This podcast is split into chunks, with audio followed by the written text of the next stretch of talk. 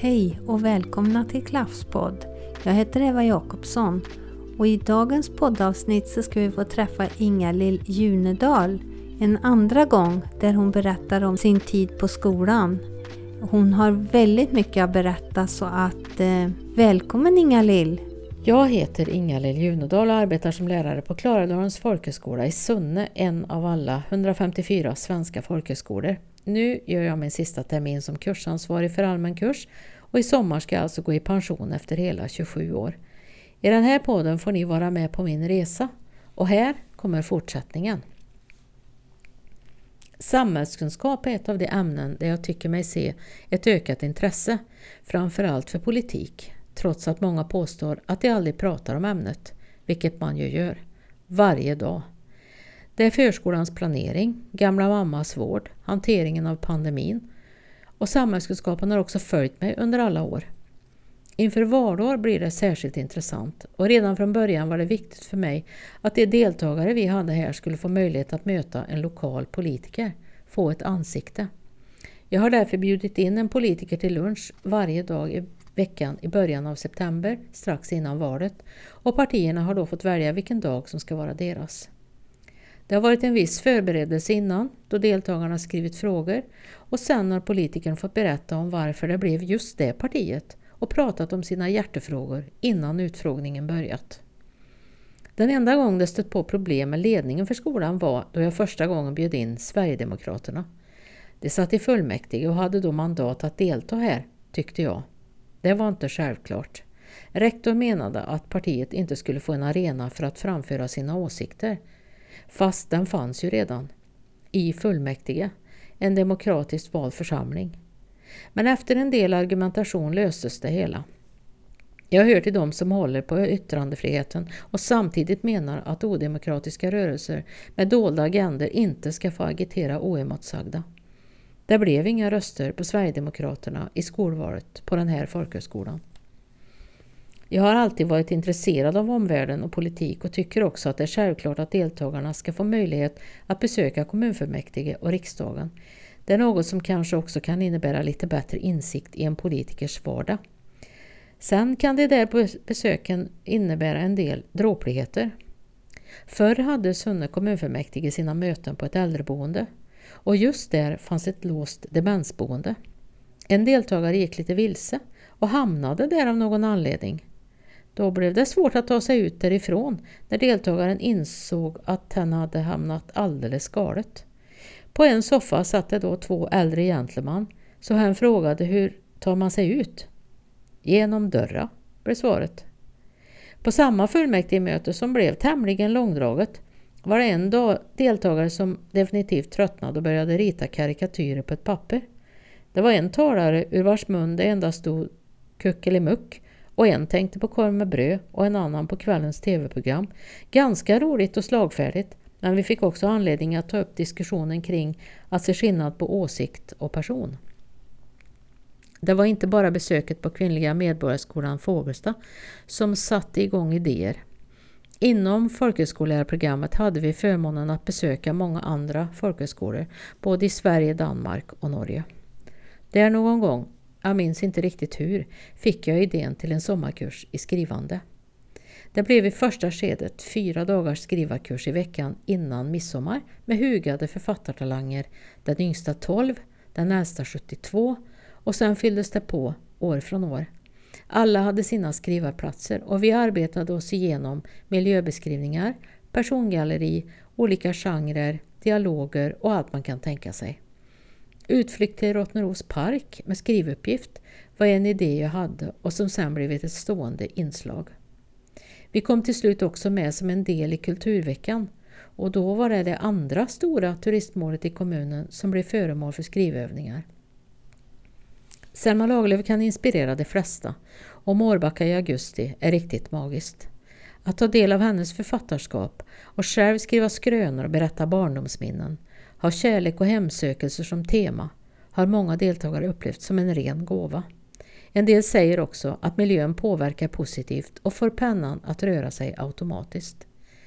Vi skriver ofta för hand eftersom jag menar att skrivandet och berättandet egentligen är ett hantverk och där är det lättare att få tankarna att gå genom handen ut i pennan än ut på ett tangentbord. Skrivarkursen har rullat på sedan dess och de sista åren har det utvecklats till en distanskurs med träff en gång i månaden, start med fyra dagar i augusti och slut med fyra dagar i juni.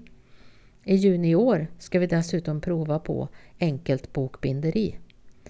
Det finns en och annan som tycker att jag är helt galen. Jobba med lektioner på veckan och sen fylla på med en skrivarlördag. Men ni fattar inte hur mycket energi jag får.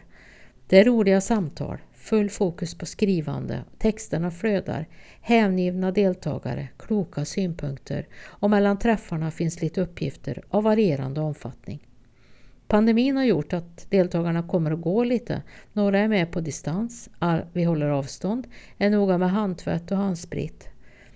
Och kanske handlar detta också om att jag får möta likasinnade. Personer som tycker att språket är viktigt och att läsandet är en förmåga som vi måste underhålla. Flera av de som varit med från början har också fortsatt och funnit nöje och avkoppling i att skriva texter av alla de slag. Har det blivit något av skrivandet då, undrar du? Jo, några vinster och andra priser i novelltävlingar, några diktböcker, några biografier och släktberättelser. Och några har dessutom skickat in manus till förlag. Inga napp än, men vi väntar med spänning på svar just i detta nu. Bara det att få hålla ett färdigt manus, Embryot till en färdig bok i sin hand. Att kunna bläddra i något som man skrivit själv och som andra kan läsa och ha glädje av. Förr när vi pratade läsande fick jag uppfattningen att det var många som läste för nöjes skull. Idag läser många inte alls. Inte tidningar, inga böcker. Man lyssnar inte ens på ljudböcker fast det finns ett enormt utbud av allt. Alltså vi skiljer oss från djuren genom att vi kan läsa och skriva. Vi behöver värna språket och på samma sätt förkovra oss, få underhållning och information. När fantasin får en möjlighet att växa kan också språket utvecklas. Energipåfyllningen från skrivarkursen kan också vara ett uttryck för den beteckning på min egen personlighet som jag fick av några deltagare för ganska många år sedan. Det var en tavla med ordet altruist och olika böjningar. En person som är osjälvisk och har lust att göra något för andra. Det stämmer kanske. Jag lovade mig själv när jag började då för 27 år sedan att aldrig någonsin säga att jag inte hade tid om någon bad om hjälp. Det är klart att det kan vara stressande.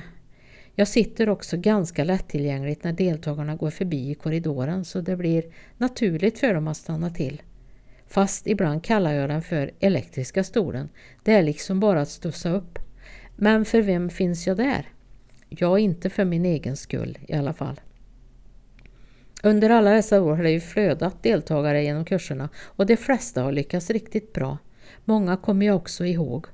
Fast när det kommer yngre deltagare och säger att mamma eller pappa har läst här och sa att det var så bra, så känner man sig ganska gammal och inser att det kanske är dags att kasta in handduken. När jag tittar på mina egna barn, där den yngsta var ett år när jag började jobba här, kan jag också nås av en viss insikt, även om jag förstås tycker att det har gått väldigt fort. Vi har haft mycket roligt tillsammans med studiebesök, skid och pulkaåkning, brännbollsturneringar och uteaktiviteter.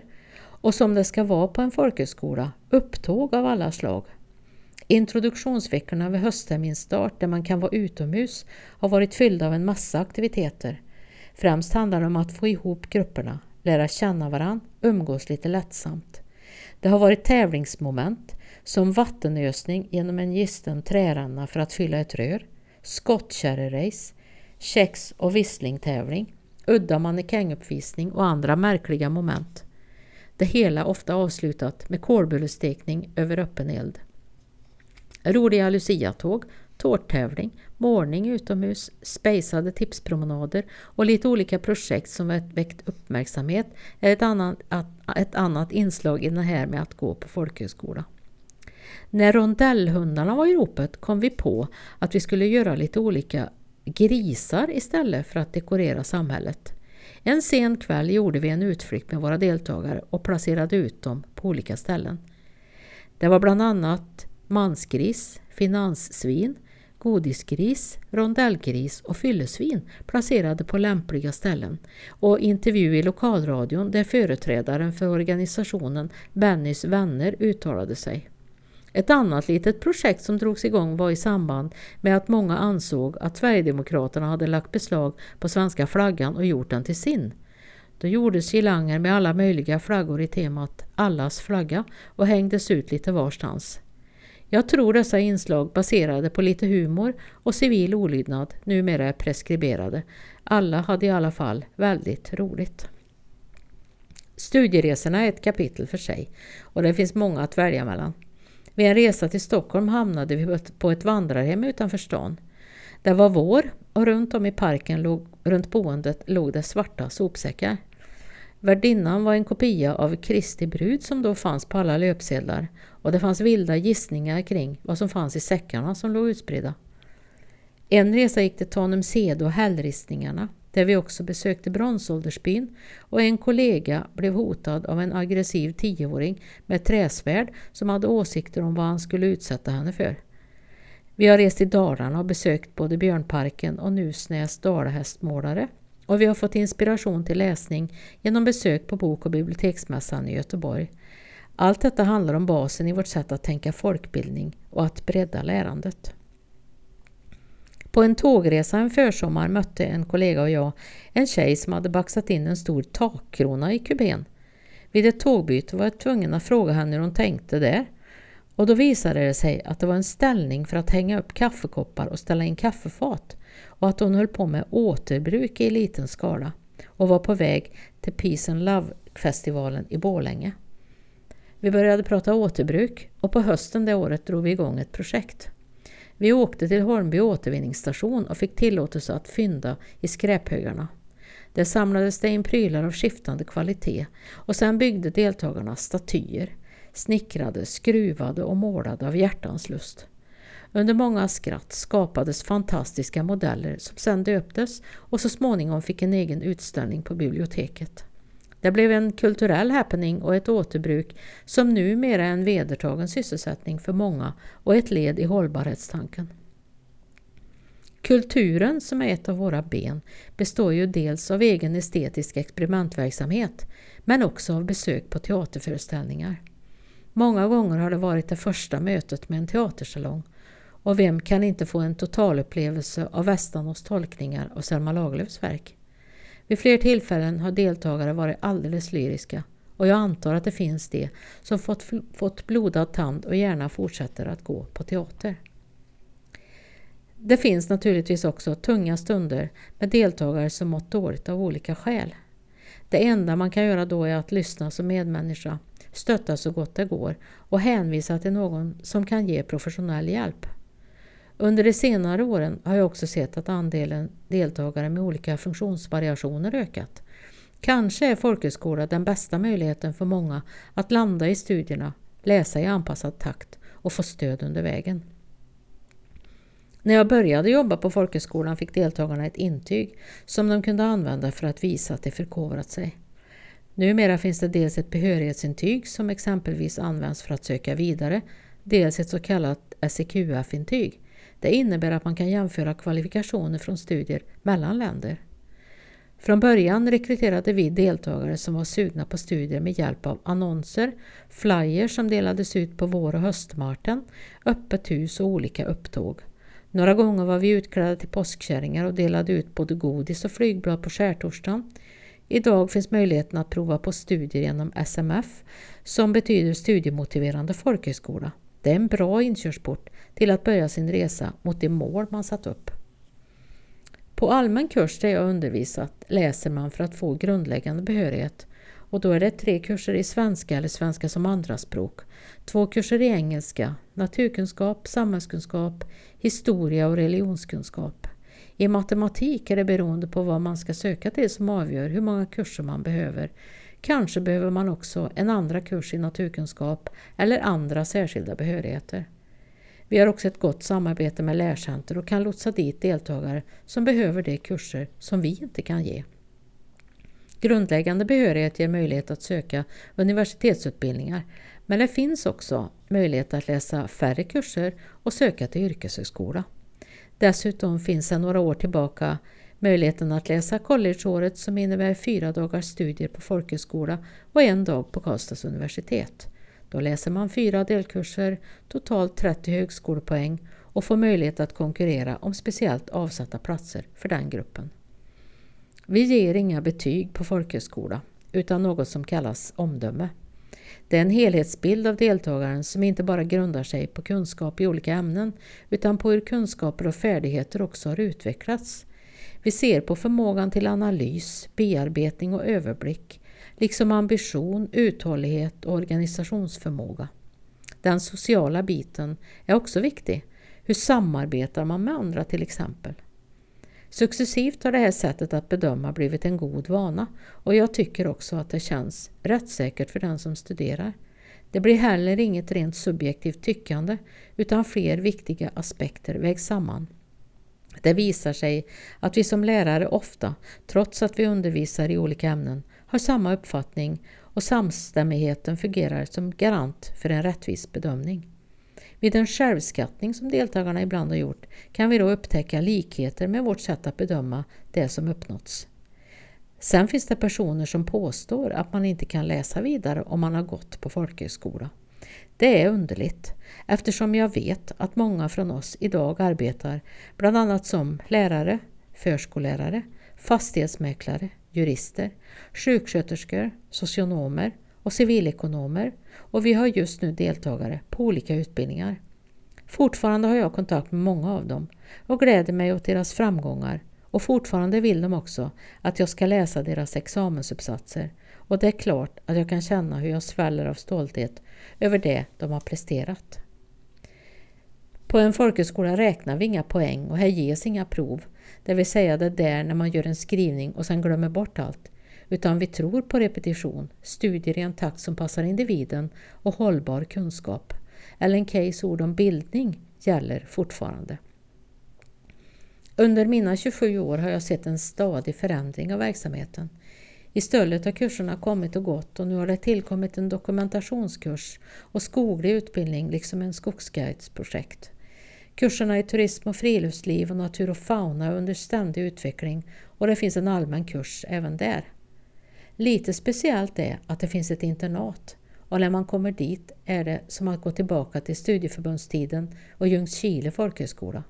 Detta att bo tillsammans med andra, delta i olika aktiviteter, få god mat och utbildning som är hållbar är en upplevelse för livet. Både Hagfors och Sunne är så kallade dagfolkhögskolor och har allmän kurs. Här har vi även en vård och omsorgsutbildning. En annan omställning är det tekniska att gå från transparanger som en rektor kallade overheadplasten till egen dator, höj och sänkbart skrivbord, smartboard, lärplattformar och alla andra hjälpmedel är en resa i sig. Jag tycker nog att en del av folkbildningstanken går förlorad i teknik, fast det handlar kanske om att anpassa och utveckla pedagogiken så det inte blir för mycket Hermods och komvux utan att folkhögskolan bibehåller sin särart. Jag har utöver själva undervisningen också suttit i ledningsgrupp och i olika nätverk, både på regionen och i kommunen. Det är klart att det också bidrar till att jag fått både mer insikter och en större överblick över verksamheten. När jag började var det landstinget som var huvudman och då var vi bara en liten del i den stora organisationen. Sen blev vi regionfolkhögskola tillsammans med de övriga fyra, Kyrkerud, Ingesund, Molkom och Kristinehamn. Vi fick till och med en gåva när vi klev ur landstinget, varsin handduk där trycket meddelar tillhör inte landstinget. Numera är vi återigen en liten kugge i den stora Region Värmland. Men vi har fortfarande syftet intakt, att öka utbildningsnivån i länet och medverka till en hållbar utveckling. Att vi sedan ser till att stå på ytterligare ben och arbeta med kultur och demokrati, liksom att mångfald och jämlikhet ska vara en del av vår verksamhet, är en självklar del i vårt arbete. Regeringens proposition säger något klokt när det står Folkbildningen ska ge alla möjlighet att tillsammans med andra öka sin kunskap och bildning för personlig utveckling och delaktighet i samhället. Det senaste året med pandemin hängande över oss har givetvis inneburit en omställning och en prövning på många plan. Jag har valt att vara kvar på skolan istället för att jobba hemifrån. Dels för att hålla isär begreppen arbetsplats och hem. Dels för de deltagare som inte orkar eller vill sitta hemma. En del lektioner har jag hållit på distans, en del i klassrummet. Vi har inte heller haft någon som smittats hos oss, kanske för att vi försökt hålla avstånd och varit noga med handtvätt och handsprit. Jag känner mig ändå ganska nöjd med dessa 27 år och jag tror att jag gjort skillnad för en del.